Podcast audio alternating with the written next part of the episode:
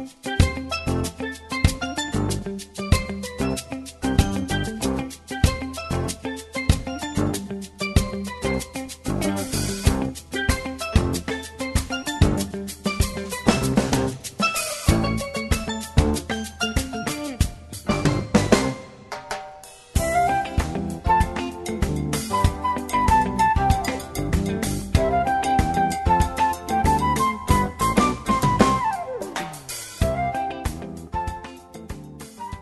Velkommen til sendingsna av Bildjelongt. Og i morgen så fer jeg at lese ur Jobbsbøk kapittel 28 og vers 20.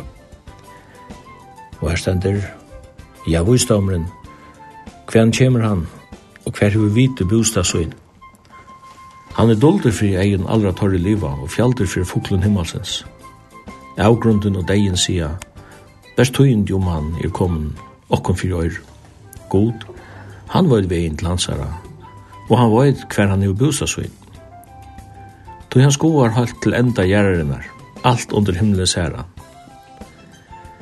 Da han via i vindena vekt og målte vattni i male, da han sette regnen og lov og snjærli hos noen ved, da så han visdommen åpenbæra i han, ta let han han stuja fram, og granska i han ut. Og han sier vi menneska at ettast herra til visdommer, og han skutje dittla til vidt. Vi får nu att spela en sang til Kit Green som synger sangen Oh Lord, you are beautiful og atana så färra vi att sända en samrøve som ja, vi haft fyrir stått vi en kvinne.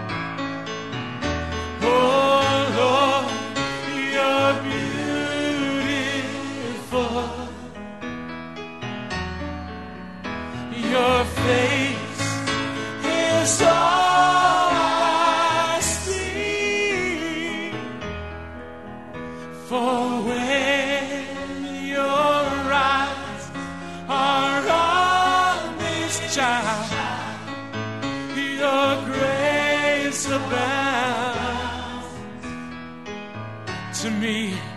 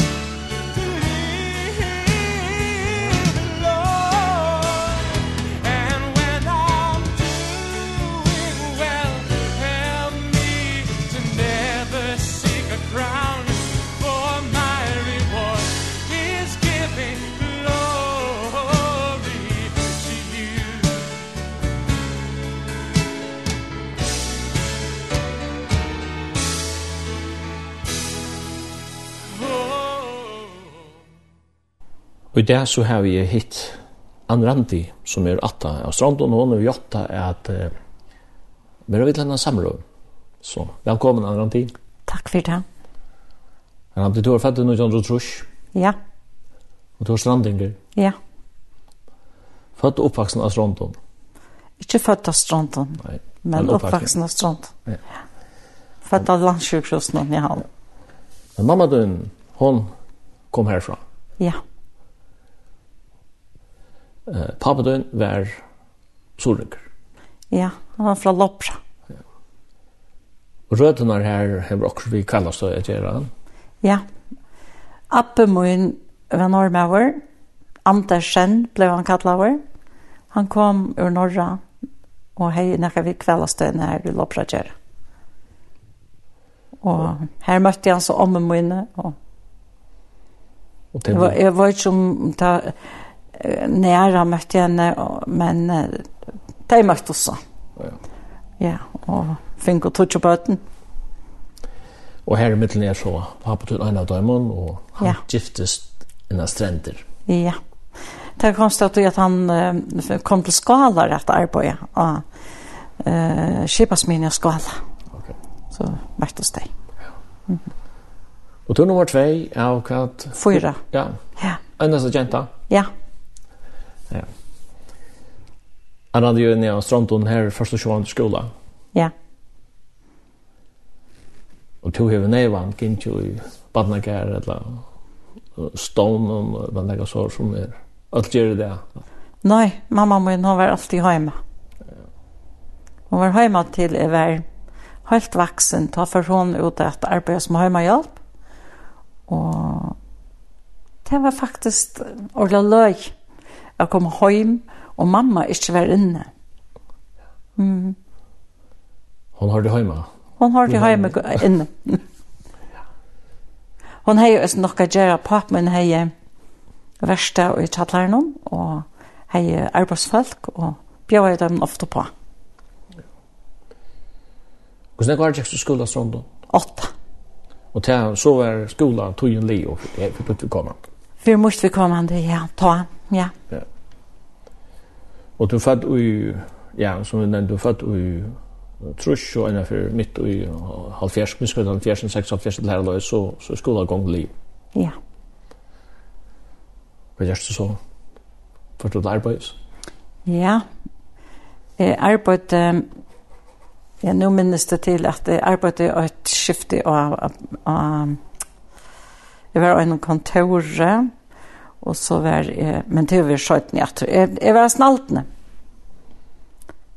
Jeg arbeidde jeg snaltene, og her domt meg vel.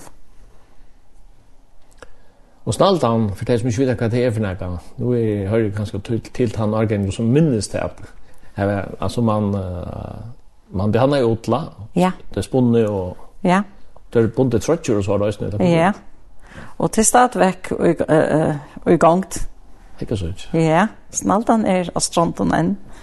Her er en avdeling i havn østene. Hvordan langt varst du av snaltan? Jeg minnes ikke ordentlig hvor langt jeg var. Men du, du først var åttalandet, attanlandet, ja? Jeg får av husvalgskolen nyrre i Danmark, og jeg er tolvt år. Og da jeg kom at herfra, så gjør jeg imest, og først så til... Eh, Da jeg akkurat jeg finnes kørekorset, ta for jeg til USA, jeg til New York, sammen vi en uh, kono som var slekt av Stronton, gift ut danskere, og han var danske konsul i New York. Og, og hon og mamma var sysna bøtt, så jeg får vi henne i vår, og var her i 20 måneder. Arbeid ikke til å ta imot, men jeg var ute til å omkring ære familie, og var au pair her så var det først og fremst å passe bättre. Øystein passa i hus och det passa på ja. og så har det med. Ja. Ja. Allt sort fyrfallande som är ju Nå Nu New York en rettelig større boy. Ja. Och du har här tutsch måneder. Ja. Så stod jeg av New York. Eh ja, jeg var här uppe i World Trade Center. Där tar en bara bygden var uppe i i Øyna. Twin Tower. Yes. Jeg var helt her oppe, og det var en størst opplevelse. Det var på en av veien halvtid, eller skjøtt at han at det var kommet i her, og i, og i 8,5 at jeg var her inne, ja. Vi halde det som två på og tarna blev inte bruk og i förra året lärare det var rätt mycket där då. Ja. Minns bare hvor størst det var. Det var så flott og ja. Det var så holdt en annen vær å komme i. Ja. Men du kommer så hjemme til førre rett annet? Ja. Og hva skjedde så? Du arbeider fire fattende? Jeg arbeider i mest, ja. Og så får jeg til Grønland og nå sånn så fors. Du var et stort skift i Statoil av Strand? Ja, det var just, ja. Men eh, man fyller Grönlands, og en ung kjenta fyller Grönlands, så fyller man bare en hokk som Førenhavn. Ja, jeg var i Førenhavn. Ja. ja. Han tog jo færre nå. Ja, det er trist å sitte mynter herfra nå. Men du tror for det du fors. Ja. Du har fått et trus, og du, så det var om det er 20 år gammel. Ja, jeg fylte 20 år i Førenhavn. Ok, du fødte juni, så... Ja. När först så gjorde maj eller vad? Jeg mener at det var meg. Ja. Og, og så er man sommer ja, her i Jeg kom hjem altså enn for september måned. Det var vanligt att jenter tog sig samman för att säga man ofta i väl till förra gången. Lite var det fyra. Men jeg løy i en gang, nå kan jeg ikke at det er sammenlukkende hva det var år. Altså, det var nærke. Det var Sindra løy, ja. Sjömansheimen var gongt og alt det. Ja. Det var gongt og det var til tøyer var nek folk her. Det bo ikke folk av Sjömansheimen, men det kom til et. Så her, her kom nek, nek sjømenn og kvart det svinn. Ja, kom, det var det. Men som turister kom jeg ned her.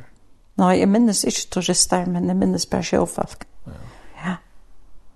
Hva, hva domte der Grønlandet? Fantastisk gå natura och ja, det var um, ren luft och så snackade det är som du har torska i nästan allt, du kunde nästan allt det var. Ja. Trivs det alla fyra gav väl i? Jeg halte det. Jeg halte jeg kan si att det er ja. Hinar hatt och alla trutjar vi florifer. i Florifär. Alltså du var nudge? Ja. Jag var nudj, ja. Nu kan jag inte ordentligt minnas när vi så står år var det her aktiviteter var for en gang, men, men du er til en forstid, og ikke var det nekvar at han att til hos. Nei, jeg halte ikke til å være nekvar at han hadde. til. Og ikke at de må sørste år er natt. Ja. Men det her er... Um, eh, det er unga jenter som er her, og her er nek mannfolk. Ja. Du møtte jo også en, en dronjer i. Ja, hon møtte jeg faktisk det godt topp. Da vi kom og i for og ta til lendi eller at den kom ja. Ja, til ta vi vit even nacht av a sjóma sum noen her, til hotellen non kvætta øytur. Eh her er gott hopp for jeg færa vujare den etter halvtid det vei. Og jeg glemmer ikke den sjømannen som kom inn der. Og det var vært trutcher alt ja. Og hesten øyne som jeg fikk øye av på en av veien, ja. Mm. Og det enda så vi tog, ja, vi bare kom sammen. Og i førengavne. Ja. Kom han i førengavne, vet ikke det, eller? Nei, nei, så for, kom han og røy ut fra, uh, fra førengavne. Ok. Ja. ja. Men du er her til uh, september. Ja. Så får du hjemme etter. Ja. Det kjennes sånn at du kommer hem for å få et annet arbeid. Ja. Ja. Det var kanskje ta jeg var av batafisk alltid. Halte batafisk var i ta. Ja. Så det er så imist fyrefallan arbeid. Ja. Men eh eh her drongur du møtte Grønland til han han kom så til när jag lånade eller kvæl. Nå kom eh, i var som ta 1. november eller 1. desember, ja. Mm. Så vi sågs flöjer för. ja. Ja. Hade tid säkert drömmar om att börja att lösa samman och och få självsvart. Ja. Som ett lander. Ja. Vi tog allt med. Det hade vi det, ja. ja. Han byggde hus i Klaxvik. Okej. Ja, så han skulle bara vara där i det. Och ändå tog jag trätt. Så så kom hem. Så skulle tid börja tycka. Löv här. Tycka löv hemma, ja. Ja. Mhm. Mm i januar månad så fer han ivrat til Grönland. Ja, han fer ivrat när sista januari. Ja. Och han var i stranden och du fortalte mig för att du kort han om han holk. Jeg kort han en holk jag tror jag här Det var en, jeg, jeg kan ikke minnes hver båt og skilte, det var ikke Dikvann som platt jeg sykla, men uh, en annen båt og skilte akkurat da, fra Holke av, Og jeg minnes at jeg kørte han inn, og han får ombord av båten. Vi satt så for bye-bye med hver annan. Og han får ombord av båten, og han stod og hukte, og vinket i så til min, og jeg får sted, og vinket til han, og det hendte nekka hvem mer da. Det kom en sånn, jeg vet ikke om man kan kalla det, en sånn øktig inn i meg. Og, og, og, og, og, og, og, i og, suttje er han atter. Mm. Ja. Og han fortel havnar og vestervånar og, og så stavn flåf her. Ja. Det er det. Ja. Han er så atter i Grønlandet og så gengat formanar inntil ena fyrir og i mars. Mars er den der 16. mars er den der. 16. mars, ja. Og vi dyrir under sånn røynefors. Ja. Ja ta morgon vi ringer telefonen ja, der. Ja. Jeg vinner særlig godt den morgenen til at jeg drømte at jeg drømte om hentan drømten, John Nietan og han var så nær, men så får han av sted i en bil som hei onkrar, onkrar rebrona farvo. Men det var onkrar struper og han. Og han kørte og får bare langer og langer og langer vekk. Til enda så sa han ikke. Og akkurat da ringte telefonen, og jeg følte akkurat som at telefonen forstod jeg. Dette var en så gode dreimer, og lykke vel, selv om han får. Og, og i telefonen er bortjansere, den yngste. Og han spyr meg så om... Uh, Nekkar er inne her som her, at lomme var ønsamhet. Nei, jeg er ikke ønsamhet, men jeg er ikke akkurat på en til. Altså, hvor spyrs du? Nei, nei, jeg bare spyrir, sier han, er nekkar er, tatt vi ikke der? Jeg sier, ja, jeg halte en bort min er på loften, og mamma er ikke så lengt vekk. Hvor? Hva er det? Og så spyr jeg, var du noe nytt fra Johnny?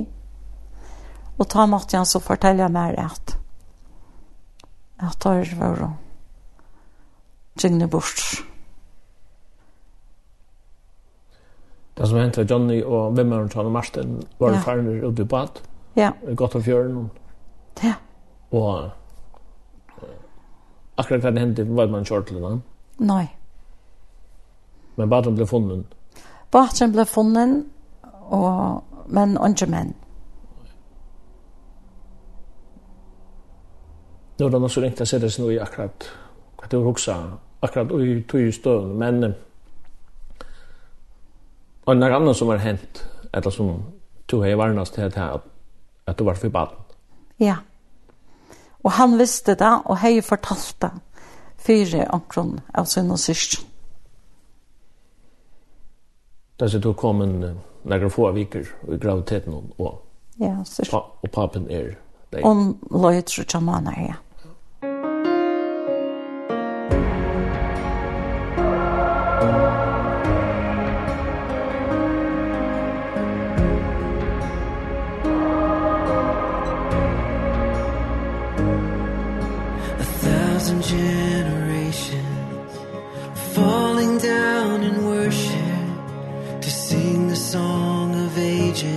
to the Lamb and all who've gone before us and all who will believe will sing the song of ages to the Lamb. Your name is the highest Your name is the greatest Your name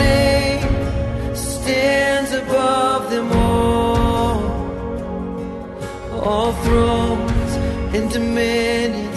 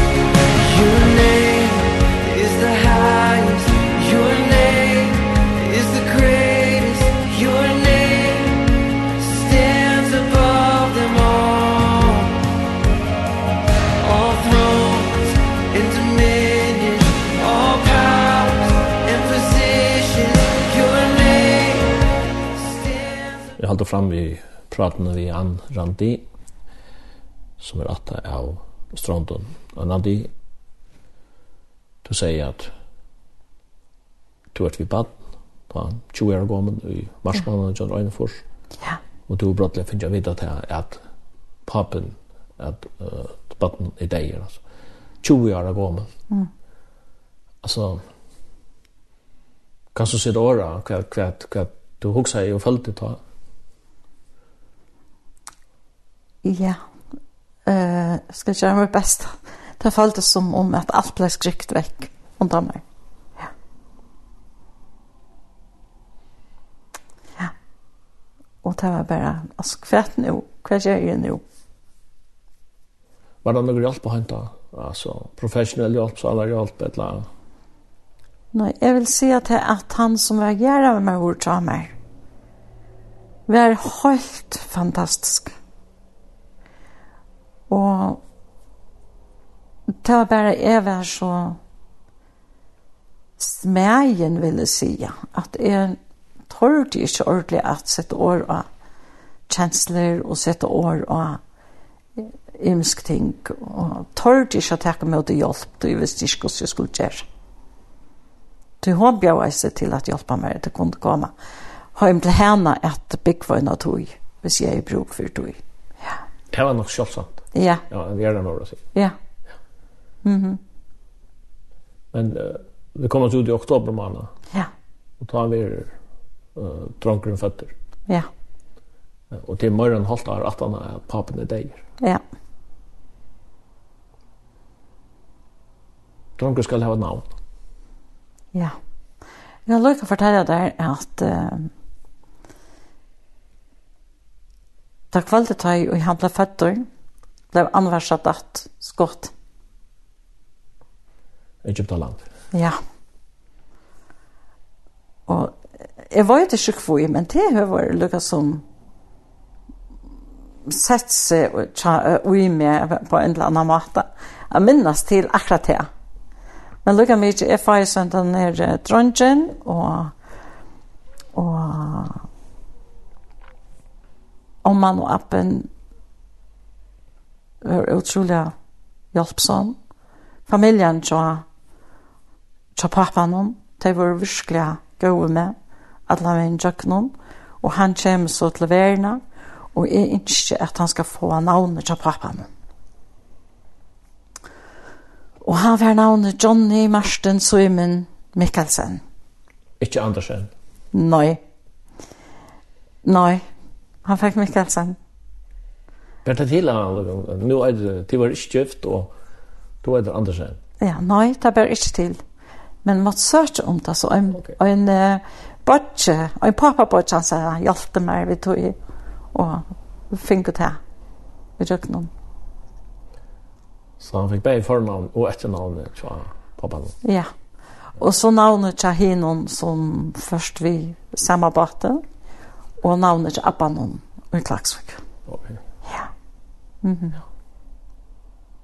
Ja. Nu var det torbar som förrust här och ändå och mars i ögonen för sig gott upp. Bara klacksingar och ta väl vi inne. Tror jag äldre än är nu själv klacksingar så. Så är minnes torbar.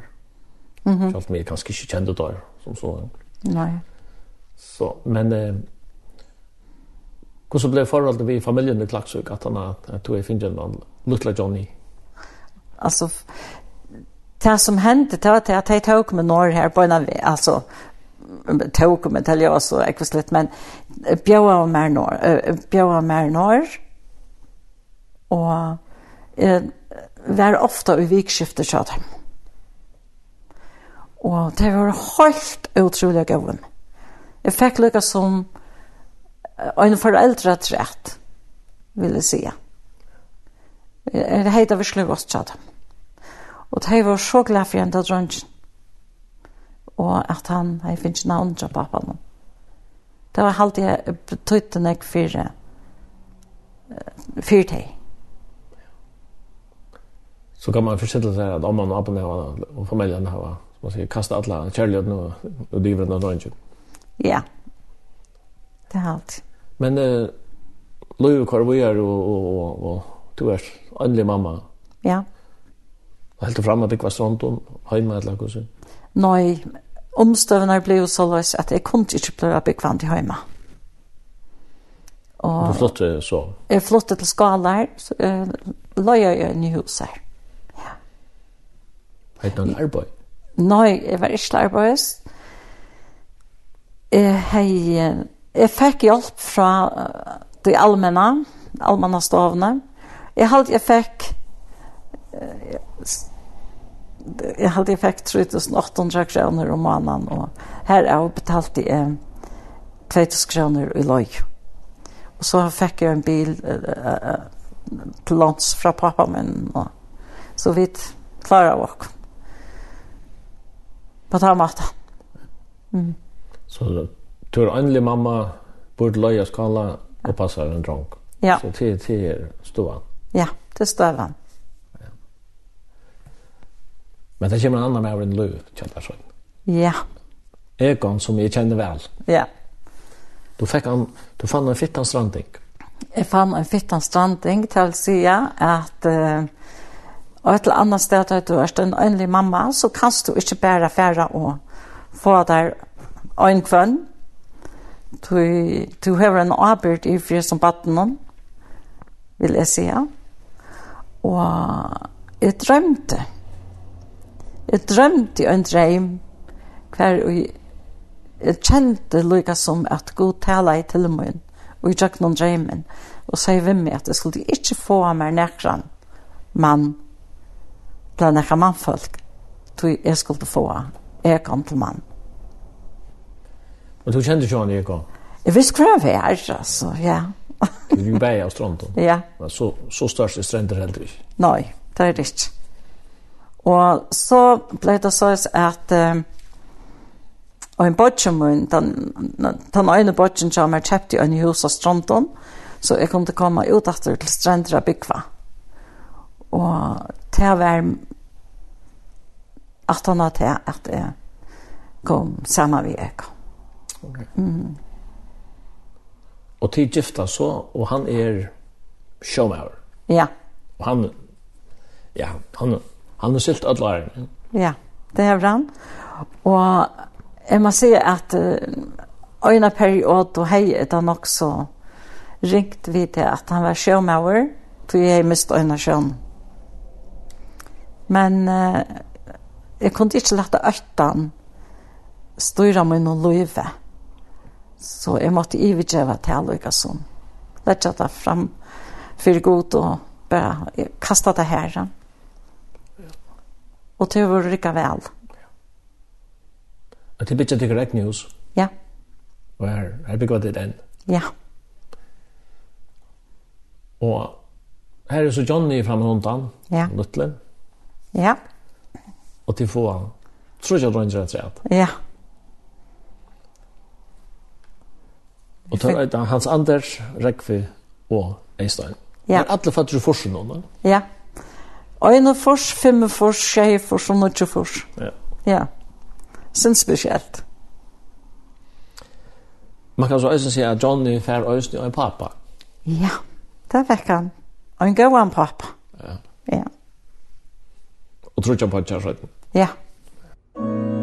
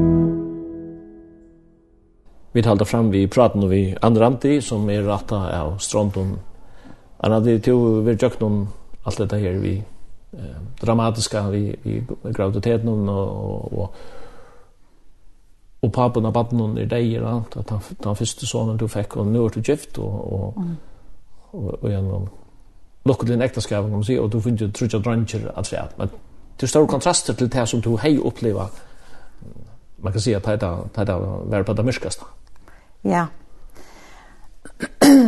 Ta det var på det allra myrskaste, ta minnes det at jeg tjekket en tur innanlega av stronton, og var ekvelig kjedd og lukkelig, og, og kjente det akkurat som at det var nek som slags skilt om meg, og, og så hørte jeg, du visste ikke hva jeg kunne kvann jeg kunne ta seg vi, selv om jeg heier viner og alt som var gøyere og, og, og ta ikke det. Men så heier jeg hessa kjenslene at ta. Det er ordentlig ivetidsen av en sånn, jeg myskere kjensler hver, og jeg bare, åh, hva skal jeg, jeg har ikke livet for det, og akkurat samme, gjør jeg av meg. Jeg kan ikke bare, jeg får bare, og man, i fjørene, og så blir det bare tæver, og, og, og, og så, akkurat samme færre, så. Men God stekka i meg. Han stekka i meg. Og kunne ikke gjøre hette med det som lytte av baden. Det var et liv, og et nytt liv som vaks innan og i meg. Og det kunne jeg ikke fære gjøre av. Men du er så gift vi er kom. Ja. De får trusja dranger, og Johnny fære en pappa. Pappa, ja. ja. Uh, så jeg vil spørre, uh, hur kus så blev vi vi vi relationen till familjen i Klaksvik.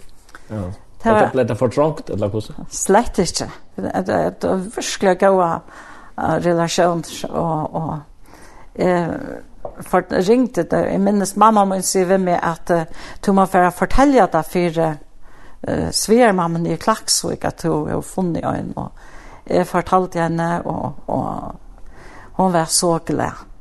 Hon var så glad at jeg har funnet meg en som kunde lukka som ta hånd om han. Og det alt som var så stortlig, det var at at jeg og jeg vidt var bleven gift, så sette jeg en lille smadrongren seg i fengje, og jeg kan så sier han vi han, altså Johnny, så sier han vi han, kan en jo si at pappa vid det? Ja, sier han, det er ganske godt. Ja, nå er jeg trutja på pappa. Jeg øye te, og jeg er Jesu pappa, og jeg er en pappa i himmelen. Ja. Det var størst. Ja. Jeg glemmer aldri til alle øtene. Jeg så ikke til skjønne fire mer enn Ja, og han har sannelig vært en god pappa for ham. Og relasjoner til Klaksvik var gode. Jeg fikk jeg så her trutt og drønnsjoner at treff. Og jeg ferdes til klakskar i vikskiften, og hei atler vi, og, og ja, det har for meg vært det ordentlig godt. Og Johnny, han platt jeg ferdig norrettene selv Vurvik først. Jeg kort han til Lorvikar, og så ombord av tettene, og så stod appen henne med henne, om han og appen av kajene, og, og tog med alt fra noen. Det var ordentlig, å, han var stolt. Jeg glemmer det ikke først for det han får. Jeg skal stolt og glæver av meg. For at jeg er så det. det er, han har alltid vært en pastor av tøymen. Ja. Han har alltid kjent til uh, sin opprona, til sine røtter og, og, og kjent til. Og det har vært veldig lykke å gå igjen. Han har ikke kontakt med deg spørsmål sin til troer løyver til der. Ja. Stranden. Du vokser jo opp her og... Ja. Uh, Tjekk så kyrkje, tjekk så sundagsskola. Ja. Tar du noen gods år? Altså, jeg tjekk av sundagsskola hver en sundag alltid, og jeg var gos i kyrkje hver en sundag. Kom hjem at du fortalte fire mamma og tøymon hva for salmer var sundt ned. Det myntes der atleir. Ramsa i dør opp. Og mamma min og pappa min platt og det første årene av min baden til meg platt og tøy av er og østnye kyrkje. Men det enda jeg så, jeg vet ikke, det kom. Kom noen ting inn, og som gjør det til at det fikk jeg nær en vent. Ja. Men jeg gikk ja, misjonssosiastronten og i kyrkjen. Ja. Hva tykker du personlig? Chamaria. Ja. Og jeg kom til, um, jeg halte jeg sier, eller, vittn, eller sier hjertelig, jeg så støk mot frelsene, første fyrt har jeg vært omløy, halte jeg 16 år gammel, til et møte i misjonshusen. Og jeg minnes at det var Åsa og Mass, eller jeg var Marsten Høy, som, og en ung jenta herfra, som tok seg utrolig vel av meg, og Men jeg vet ikke, så før jeg. Jeg gled bort fra atene, og så var det ta i uh, kjaldmisjonen være gøt og øye. Ta er det en venninda som sier vi kom til å konfere, og jeg møte, og vi får så, og her kom jeg så at Men tar vi kommet inn i, uh, ja, skver er vi ta, og, og, og, og, og, og, og, og, og, Ja, vi er jo i Gossi er i kanskje førfor. Femfor. Ja, her er det. Ja. Men det er som tatt inn at du blir gift og... Ja. Ja. Blir du så genga i... i, i, Hva som er tann... Baltjen som var strand og ta... Ja, ungdomsbaltjen var... Nei, ja. Her tjekker. Er det spyrene til det som sagt ble kjeltan? Ja.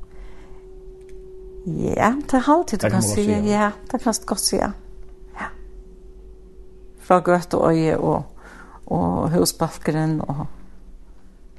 Ja, du nevner Jekka Martin Høy. Ja. Og, og konan Asa Tio. Uh, mm -hmm. Foreldrene til Paula, Paula Høy. Du er, er ja. fyrst som er her, eller pastor i... I Kjelten. Uh, I Kjelten, ja. Ja. ja. Men... Uh, tog en ganger, og så dronjen er som tog eier, tog eier jo fyra, det var tar... Nå er vaksne. tar, tar vekst opp. Ja. Først omgang de ut og fikk så redd et, et, et, et arbeid, to. Jeg vet at mamma som er fyra, bare hun slett ikke arbeidsleis. Det ble så at en abbabrød som bo i hjemme, Jeg bruk for hjelp. Så mamma min og jeg ble ansarer til hånden til å si at det var her uh, ena for om det er en negosier, og så skiftes vi om nøkker ting. Ja. Han fikk äta og, og kort vi døvra til han, og så kjørte vi drønt honom, og, og, og helt og han røyna. Ja. Ja. Passa av han.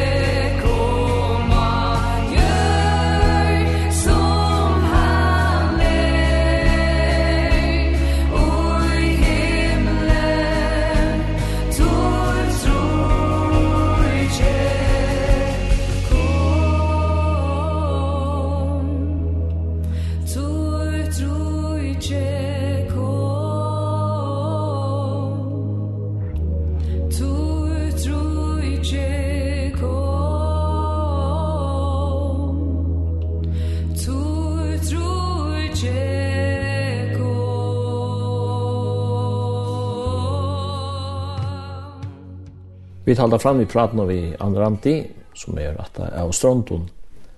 Andrandi, vi, da vi kom inn i halvfemsene. Ja.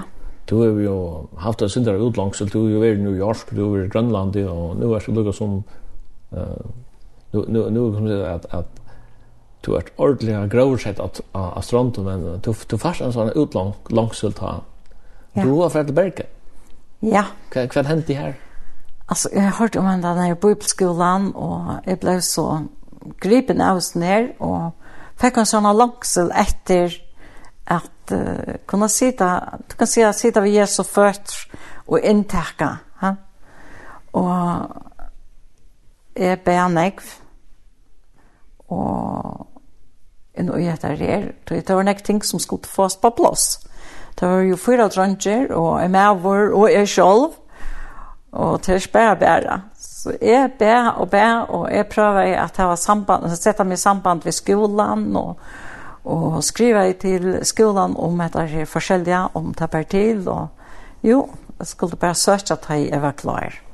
Og jeg søkte så, til selv om jeg måtte spørre mannen først, og han var villig til å komme til Norra. Hvis jo, han kunne fortsette å sikle vidt og kjøpe noen som han var vidt, og det var ikke problem. Og jeg først var sted, og jeg halte jeg før juli måned, som skolen skulle begynne i august. Trønsner tar for å inn i friskola, et eller annet skola. Den kristne skolan der, ja. Ja. Og jeg for uh, bibelskola, og Johnny kom så over 18 år, så fikk han arbeid her over det. Han er ved en 16 år gammel, eller? Ja, ja. Og, og ta i kan hei fru fra Kipen, så kom han til Bergen.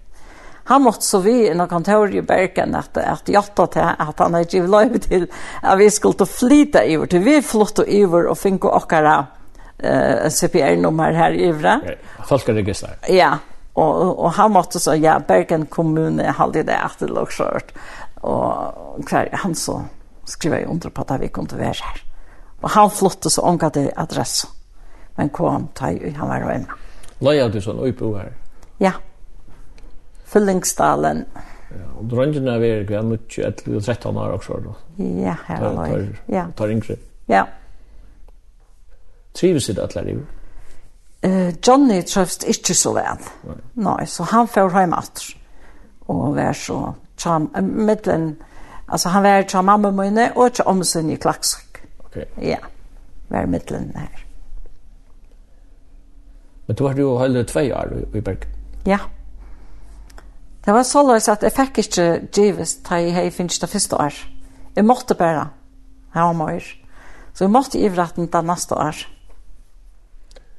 Ja. Og hvordan føltes det så å si at Bergen farvel at han har tve år? Rævligt. Det var akkurat som jeg fikk lov til å leve i Bergen. Og var ordentlig glad for jeg var her. Og ja. Så jeg greit alltid at han var inne hjemme ved Norrøn, gamle Norrøn. Det var så, det var så dårlig nevnt at det var som affær i om fjørene. Norrøn silte til Bergen, og det var køret til havner ombord, og så leide vi etter Bergen og køret til Løsa. Så det virket så lykke til. Jeg har samband, jeg har ferdig samband, øyne fra vikene og busser, og, ja. og står om parst og årene. Ja. Det var ordentlig og helt, for meg. ja. Men eh, jeg husker hva slags brosjura vi er i Bergen, av kunnskap, til Guds år og hva slags vinn. Alltså, jag må bara säga sånn at jo meira jeg leser om god, jo minne kjenner jeg. Så større er det. Jo minne kjenner i forhold til hvordan større han er? Ja, hos, ja, i forhold til hvordan større han er. Ja. Så, så du fikk sånne åpenberinger her i, kan man si, som, som kom til å gå her? Ja, altså kort. Ja. Men så er det atra rundt så kom vi alltid til strender. Ja. Løyve til forsetter og drøngene ble vaksne menn. Og tilkomne menn og to røst omma i det. Ja. Jeg vil skje omma bad. Johnny Øyer. Trudja Jett. Trudja Jett, og... Ja. Og hans Anders og Øyer. Fyra. Fyra. Bøten, ja. Ja. Tvær drønger og tvær jenter. Du har upplevt nek dramatisk liv, kan man säga. Ja. Det tog som om det du fick han första sonen. Ja. Ja. Men det är ju svårt som man säger. Det var inte det största olöjet som rakte familjen att jag kom. Nej. Det var det inte. Men nu så, i 2014. Ja. Och i januar månaden. I januar månaden, ja. Ja hendte hände en, en ekvulig dramatisk händning i familien til Dekko. Ja, det var en tragisk vannlocka som hendte. Eller vannlocka. Det var noe tragisk som hendte, ja. Hva Vad hände da? Da hendte det at um, hvis ni nästa enn Jokkon og konan skulle ha varit nummer fyra. og det var ferdig til havner, og hon var av förestovne. Ta i och hon sier vi mannen tjåsar at han tar konten av tilsøyn og leierne av brinken og sier her er okkurst i orsk orsk smøyre til okkurst og vær vekk. Og vær deg. Her og nå. For kan blå propp. Og da er hun av førstånd? hun er av føyestaven igjen ja. Det er derfor og sjående beina vi andre pulser er.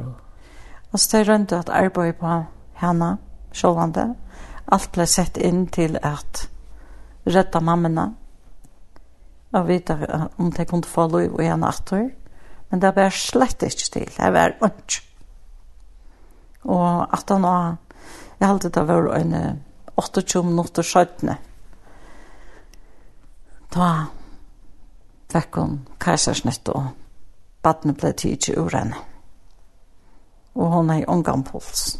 Altså, jentan som ble født? Jentan som ja, ble tidsi ur mammen her. Ja. Hva sier lakna av usinden? Altså, 28, mamman er deg, og altså, her er ikke pulser, og det ganger 28 minutter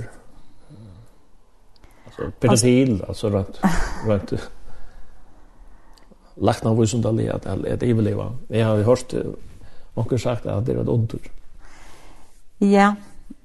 Hon tar han arbetade så på han lacknen är och och fick så puls eller fick han så åter eller ja.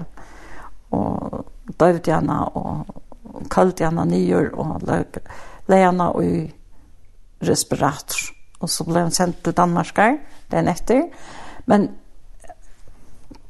Jeg har gynnset til henne laknan i tru år vi jentene til at han ville søtja hvordan hun utviklet seg. Ja? Og jeg måtte spørre han, senest før jeg var sånn, så måtte jeg spørre han. Jeg sier til hver hun verlig av deg. Ja, sier han. Hon er mer enn et mirakel. Vi var inne og boa for henne. Men hun la i respirator.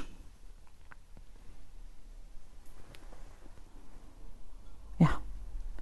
Så jeg trykker vi på bøn. Så jeg trykker vi til Jesus og hessen laknen som heva finnes jentene som man sier. Atter.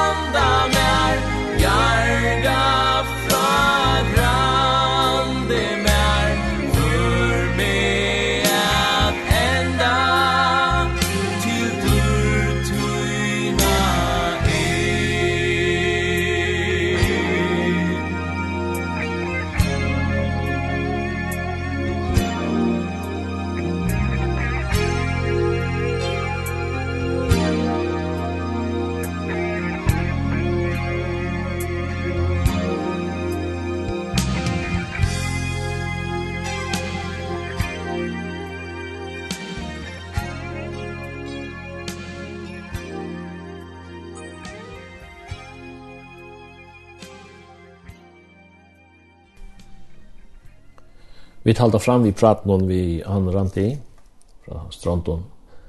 Anna de henda han er dramatisk hending i januar månad 2014 da vi ser at den jadar knappliga for han blåpropp og døyr. Mm -hmm. Samt som skal få i batna. Det er en, en, en utrolig uh, kjenslebåren og kaotisk stå over i. Du, du er fast, uh, samt som det er så omødett når hun kommer til verden vi, vi nere keiserskolen og vi er sendt til Danmark her. Mm Og så såg seg hver er tankene ikke her. Er der, er det Rutskjurkusen i havn, nei, og, og i Kjeppmannhavn. Og, og hver er sonen ikke der som er mist uh, konene, og, og det skal man gjøre for. uh, Altså, hvordan klarer det å håndtere alt det her? Ja, jeg minnes at uh, den spårningen kom opp langt og samme kvöld. Så jeg kjøpte skulle til å stå langt og det er nettere. Ja hvor skal fære vi henne. Og til bedre så hei og en venninne som er sagt at med og min og jeg, vi kunne godt fære vi hvis det er nøyot. Si bare til hvis det er nøyot. De var av vei ur havnene og innetter. De, de hørte etter her, og hun ringte til meg, og de kom så etter åkken. Vi, og en lakne seg med at de kunne ikke køre bil til må ikke køyre hjem etter. Så de kom og her og tog okken hjem vi og kørte okken til Nes, til han bor i Nese. Og Og til er så til hva kommer vi hjem til, til her så og trøy løy til bøten, og bo jo etter mamma skulle få en baby. De visste jo ikke nøkron. Så papen måtte være først inn og fortelle dem om at mamma dør, han var deg. Og så skulle vi finne det avsten her, hvordan det skulle være, at vi anker måtte fra vi i Lutlo til Danmark. Og vi fikk også avtale til at anker kom opp til, men det ble for harsht for uh, ankerne affære. Men uh, det er vinner Per ikke åkken først, det vi, vi renten, eller vi fikk ordne det. Så løs, og, og jeg minnes at vi dvor og alt her av neset, tja sonnen og taimon bøttenen og òsne svier familien tja honom, foreldrene henne og bortjaner, vi dvær og ødler. Så vi får å tullja til havner morgen etter, for jeg sutja at det er baby som var kommet, og er det skulle sendes av landen. Og jeg må si akkurat som jeg til spørst om hva er tankene som er vår. Jeg minnes, hvordan rævelig det var, Jag sådja, det, det, det, det luktes nästan en sån liten kavbate som hon blev kort iver i och, och skulle föras till Danmarkar och just ner respiratorn som det skulle ha i flåfärden. Alltså ambulans och flåfärden? Ja, og, og at det er jo fremmed folk, en lakne og en sjuksköterska og, og, og jeg var inne her, og jeg måtte sørge alt, jeg måtte sørge hvordan det skiftet og slanker, ført og iver, og jeg tar her løtla, og lilla kaubatten som jeg kallet det. Og, og, og så førte jeg stav igjen ut etter gongen her av føydøltene Jeg holdt å være føydøltene Ja. Og altså, det var en så rævelig løt. Tusen tvert er, altså så tjøyt han han nærkant i nattur. Og støvan var stabil, men hun var ikke verken. Hun, hun, hun var jo døvd og, og kaldt nyere. Og for at uh, ja, høylen ikke skulle takke skeia, eller minst mulig. Og så fer dette lille baden. Og en prakkfull stor småjenta, babyjenta. Først, det var obeskrivelige kjensler. Det må jeg si. Samstånd så vidt at, at mamman la langere nere. Ja Hver hinne bøttene skulle du inn til henne og sutja. Det var jo sett av lytte bøttene, og så skulle du ned og sutja at deg og mamma. Og Finger du det vidt han om hver utlitt var til at den lytte bøttene Det tar seg ikke om det. Det kunne du ikke si han Det kunne du ikke si han alltid. Og hun ble så bare sendt nyer, og de får vi, og de tok seg av tog som var nere. De fikk gå vite fra lagt noen nere, når de skulle komme til henne, og, og når de fører vet henne, og, ja, og, og hitte henne opp etter, og ta måtte de være alle togene til henne. Så de skulle jo holde henne inn et seg og sånt. Samtidig så er vi hjemme, og vi tar oss hva skulle vi gjøre? Skulle vi ta hva? kvart nu hvis baden ikke iverliver er nere, skulle vi ta hva tverkister, skulle vi ta hva øynekister, skal han lytte uikistene til mammene, eller ha sånne egn og lytte vi syner av henne, og ja. Men tog betur så langt og høstkvöld halt jeg, tar høyt hun, kunde vi uh, lukka som suttje henne hver hun fikk at eta, hver hun sier en fløsk, så så ut av en iPad du vet jag kan att det är Messenger eller Skype eller vad det var vi så det jag då kunde vi switcha till lilla patten ner Du sa att, att han ser ut till ja, att hon så reflexen fungerar. Ja. Och och testa att att ta en grätt och så är hon så öjliga surt. När men så sa han grått. Surgelig han grått. Mhm. Ja. Hur länge var gentan i Danmark? Hon för ni och manna det och hon kom att och manna kväll veckan efter. Ja. Och ta mamma göra. Ja. Du vet att det gör för halt sig hon för till gravar. Lärde eller sånt, jag minns det själva. Ja. Att de får sig gentan att ur Danmark, är det Ja, då så stäffast det att här allt fungerar hon är allt i Jordan. Bland annat visste det om om hon måste ha utsatt för hjärna ska jag. Smagel ja. om hon får fungera. Alltså det satt då att hon var fullgod men alltså kvartla ut och det visste vi inte ordentligt. Så laknen, badna laknen ner och landsjukhusen hon ville gärna fyllkänna uppe i köknarna. Som jag säger Janne. Och i köknarna tror jag här ville han sutja henne. Och kvar hon skulle, alltså hon var i golven och, och gjør det sutt og gjør det for tre og annet tydelig som et baden gjør. Ja? Mm -hmm. Og jeg selv helt og en ivgeng at hun virker som under sjøen så han ikke fungerer i ordet, men hun er 100 prosent. Og det? Ja, hun er. Ja. Ja, du får rinna passa henne da. Helt som en little baby. Og hun skal ja. tegge seg av Alltså pappen för själva så till havna att tacka mot henne ta manna kväll till døgn kom. Och vi för så sår torsdag, och den äldste botchen yngste, jag såg henne först. Och han var färd vi hinner, hinner om henne och appan og till havner, så han slapp först fra så att vi hinner bäg vi, så slapp det i. Han måtte lykke som få lov till att uppleva det. Nu var han äldst och Och ja, så det slapp han att uppleva. Og vi får så ha og mattna. om sötning før kvället för är sorattna. Och ringde till han og sier vi igjen at jeg kom sår. Det han fikk ikke sove i et eller annet.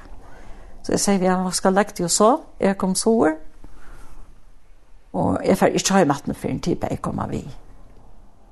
Så jeg trappet opp her hospitalen klant Håkon Årstal til det var om nottene. Og så vet jeg at nå er jeg kommet til sonen og badensjonen, og jeg får ikke stedet for ni av det vi mer og datter. Og vi får ha material til høstet. Myktet til høste. Høste alltid. Var det Nes eller Strondon? Vi får til Nes. Nes? Ja. Så jeg får hjem til Strender i vikskiftet av og til. Men til Varsla Nes jo passer i disse lyttelige ja. om og døttene. Ja för att de skulle vara samma vid syskon. Det var så att um, ofta fyrr taj och i mamnar døy, og så blev bøttene skilt sundur. Og jeg finner ikke en halse fra en gamle mann i Strand. Tjøk noen omkran at valsikna jeg har syrstene sammen.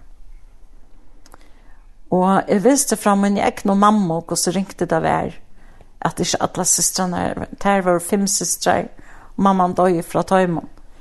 Og tver før og borstår, Den ene kom så atre at han andre akkur år, men den ene kom omgatt en atter til strender, ja. Men, og det tok så hardt på mamma mine. Hun låntes, hun sakna i at det er uh, næra forhold til vi alle sine systre. Ja Så jeg visste at det var best at jeg kunne være sammen. Så jeg valgte det i første syfte, ja. Så valgte han å selge husen her og nese og flytte i våre strender ta i oktobermannen. Samme år. Samme år. Ja. Og så er han bo av Strondum, så gjerne. Ja. Ja.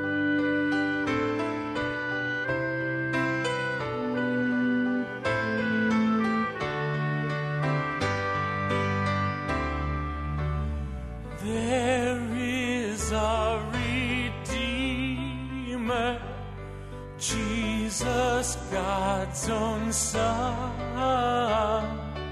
Precious Lamb of God Messiah Holy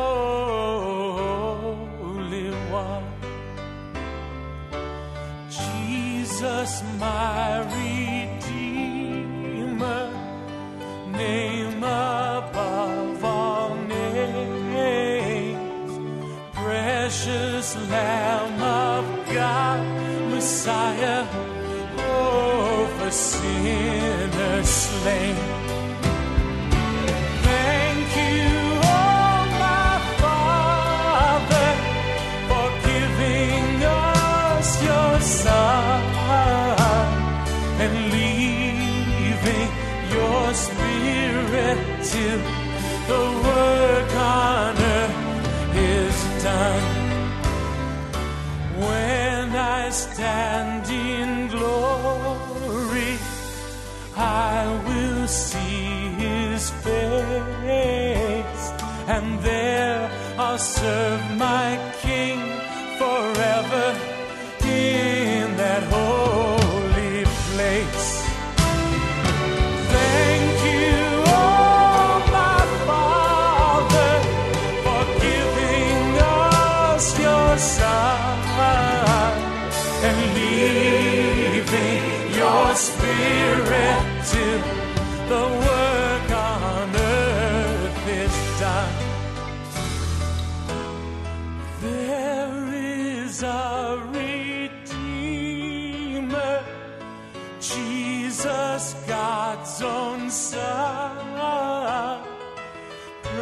precious Lamb of God, Messiah, oh,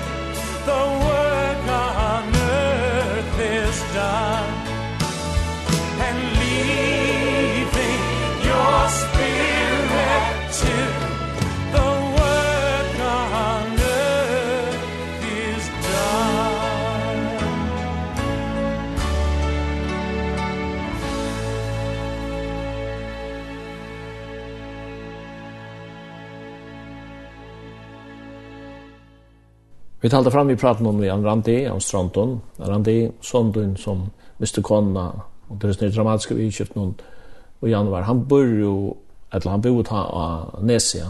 Ja. Det var konan som, som da var han atta av Nesia. Hon var atta av Nesia, ja. Og tog hadde bygd her? Ja. Men det er nå alltid det her hender i 2014, så, så er han at han nærmere mann er å selge husene. Ja. Det komst også av tog at um, han orskar ikke så om han har grøvene til han. Okay. Han sa grøvene fra vindene. Og... Mm. Så flytter han i bron, ja. her som han er oppvaksen av stranden, ja. som tatt her på mamma sina. ja, det kan du säga. Da han bor i Tjatlaren Tjokken. Det er Tei, han og Trybøten, og han lukter bor i Pjatja om sinne.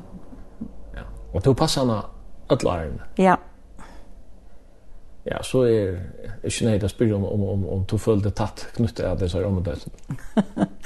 det blir automatiskt. Ja. Men da hon kommer til verden vi kassar skor en halv en halv en timme att han er mamman i dig. Alltså så huxar man eh så huxar man hever du da du ekla gjerne hon hon vaks til at hon utviklas om om alt, om, om, om allt fungerar. Mm. Ja, sjølvande fyllte jeg vi. Ja. Men uh, hon tog bättre hon utvecklade sig gott, väl, rätt. Det jag ska säga, ja. Hon uh, började i Badnagar där hon var kvätt 18 månader. Og da och hon var ja, Hon tjekk på atna og jeg vet ikke hva gammel var hon. Ta, ville hon bare være hjemme, til at hon, det var akkurat som hon fikk snakk av utfordringen.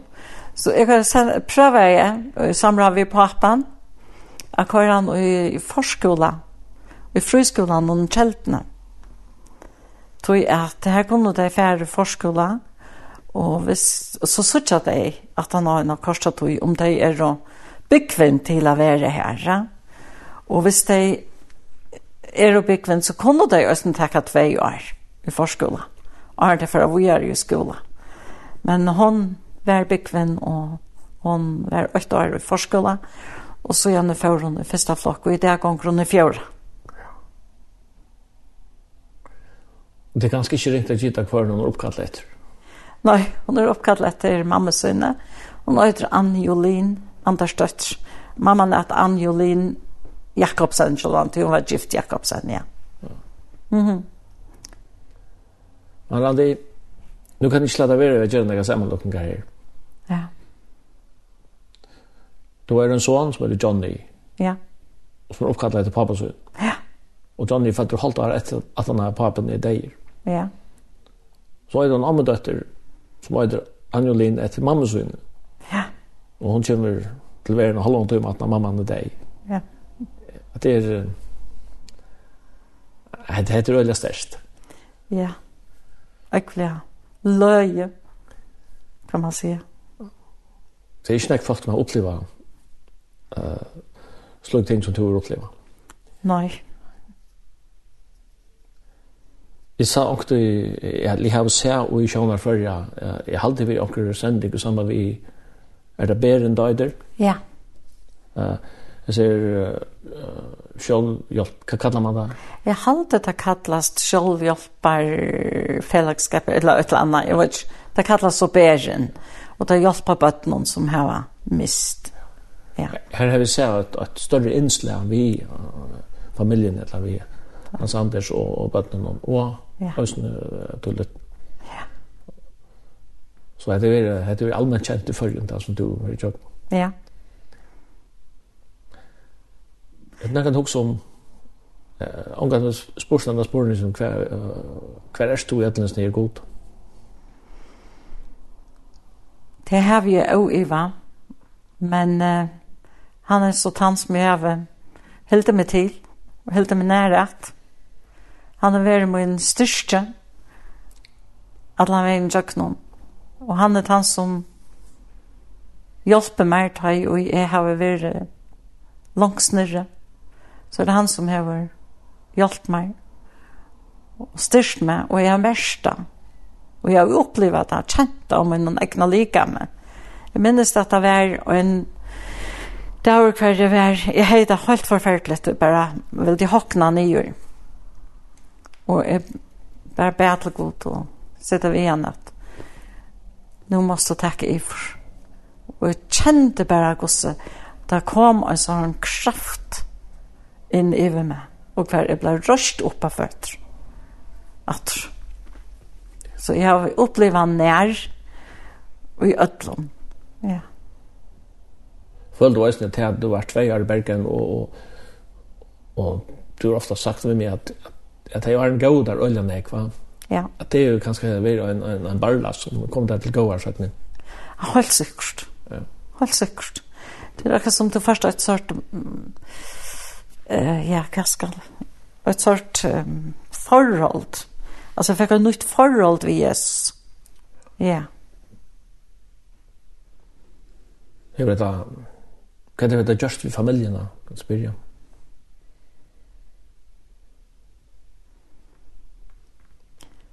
Ja. Jeg vet ikke ordentlig hvordan jeg skal svære der på det. Det er knytter ikke noe man kan Ja, det er alt. Ja. ja. Det er alt. Mævren og jeg har gått så gråten jeg var løtt til skjermen. Vi bare. Ja. Familiebånd er sterk, og, og du har ikke fortalt meg at du var i Bergen, og så så prøvde jeg også at oppsøke familien av Abadun. Ja.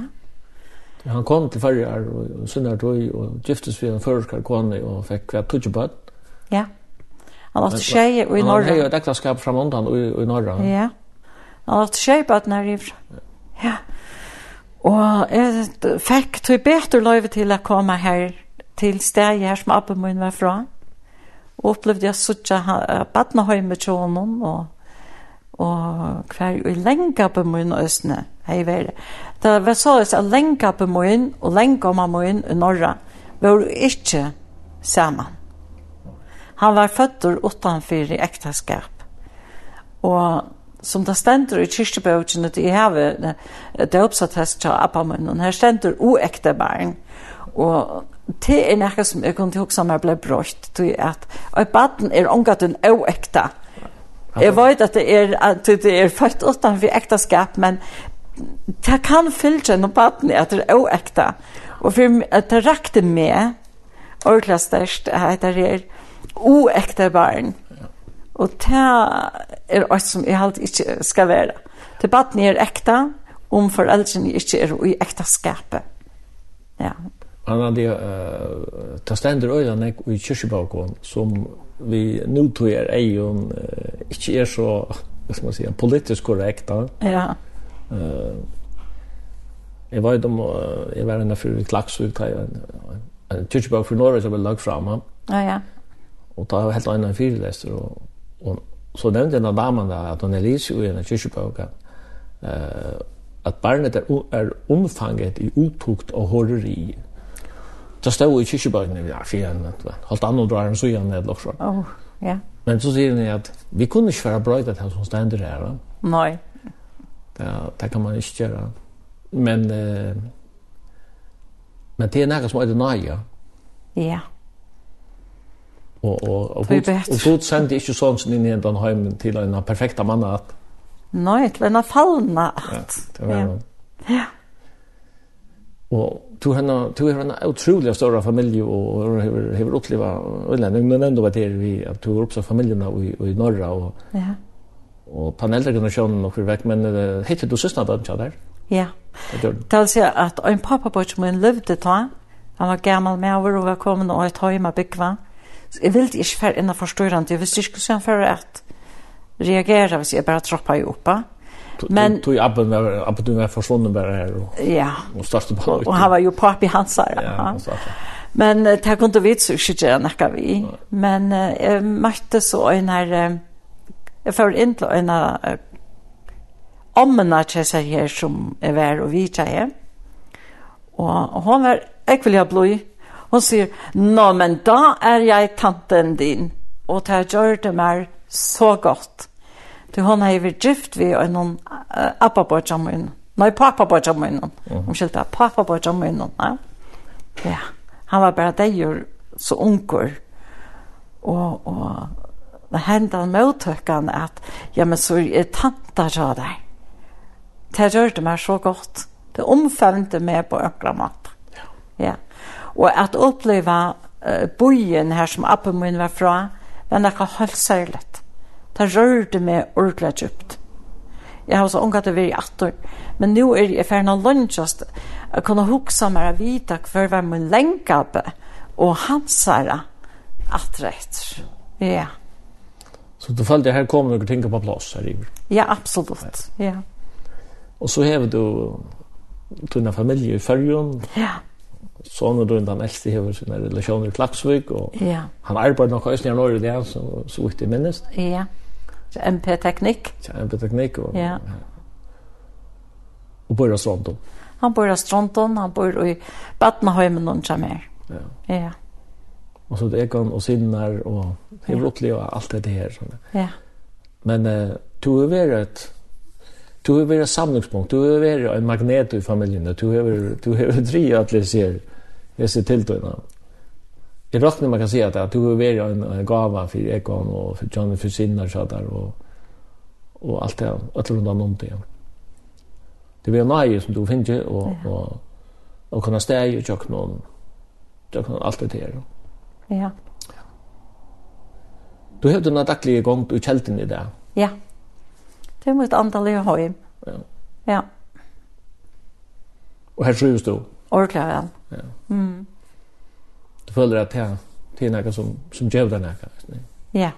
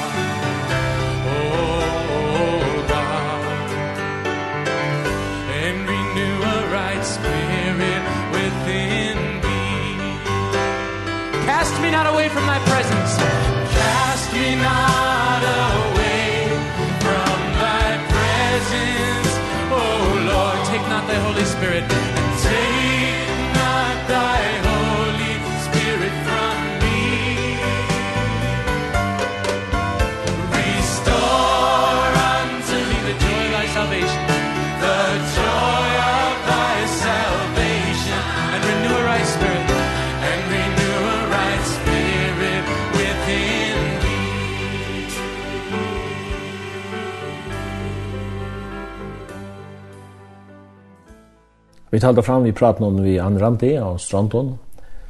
Og ja, nu har vi pratet om det gode lødene, Anne Randi, vi færre ja. halvt vi har rundt oss en real. Ja. Du har opplevd et ekvelig, hva skal man si, et, et dramatisk liv, du har opplevd nekva glede og nekva sorger.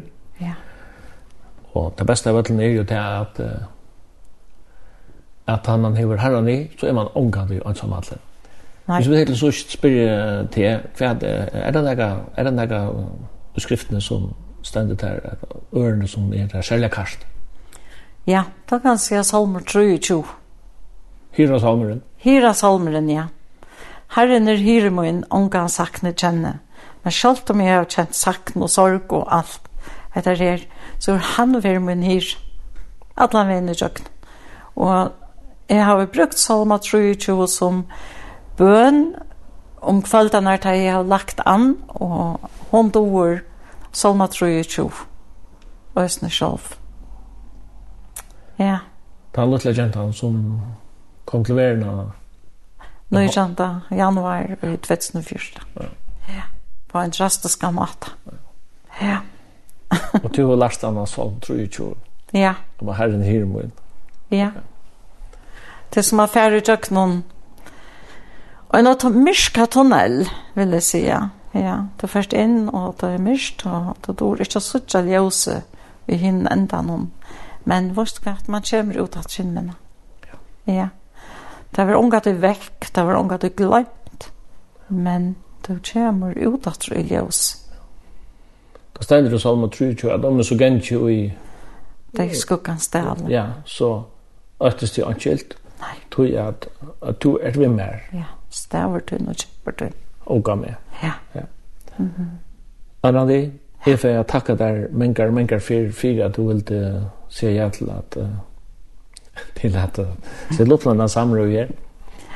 Skåur. Vi får at innkjøtt det er alt godt, og for be at de må hølse Egon og dronjen der, og ikke det alt det beste. Takk, sånn løs.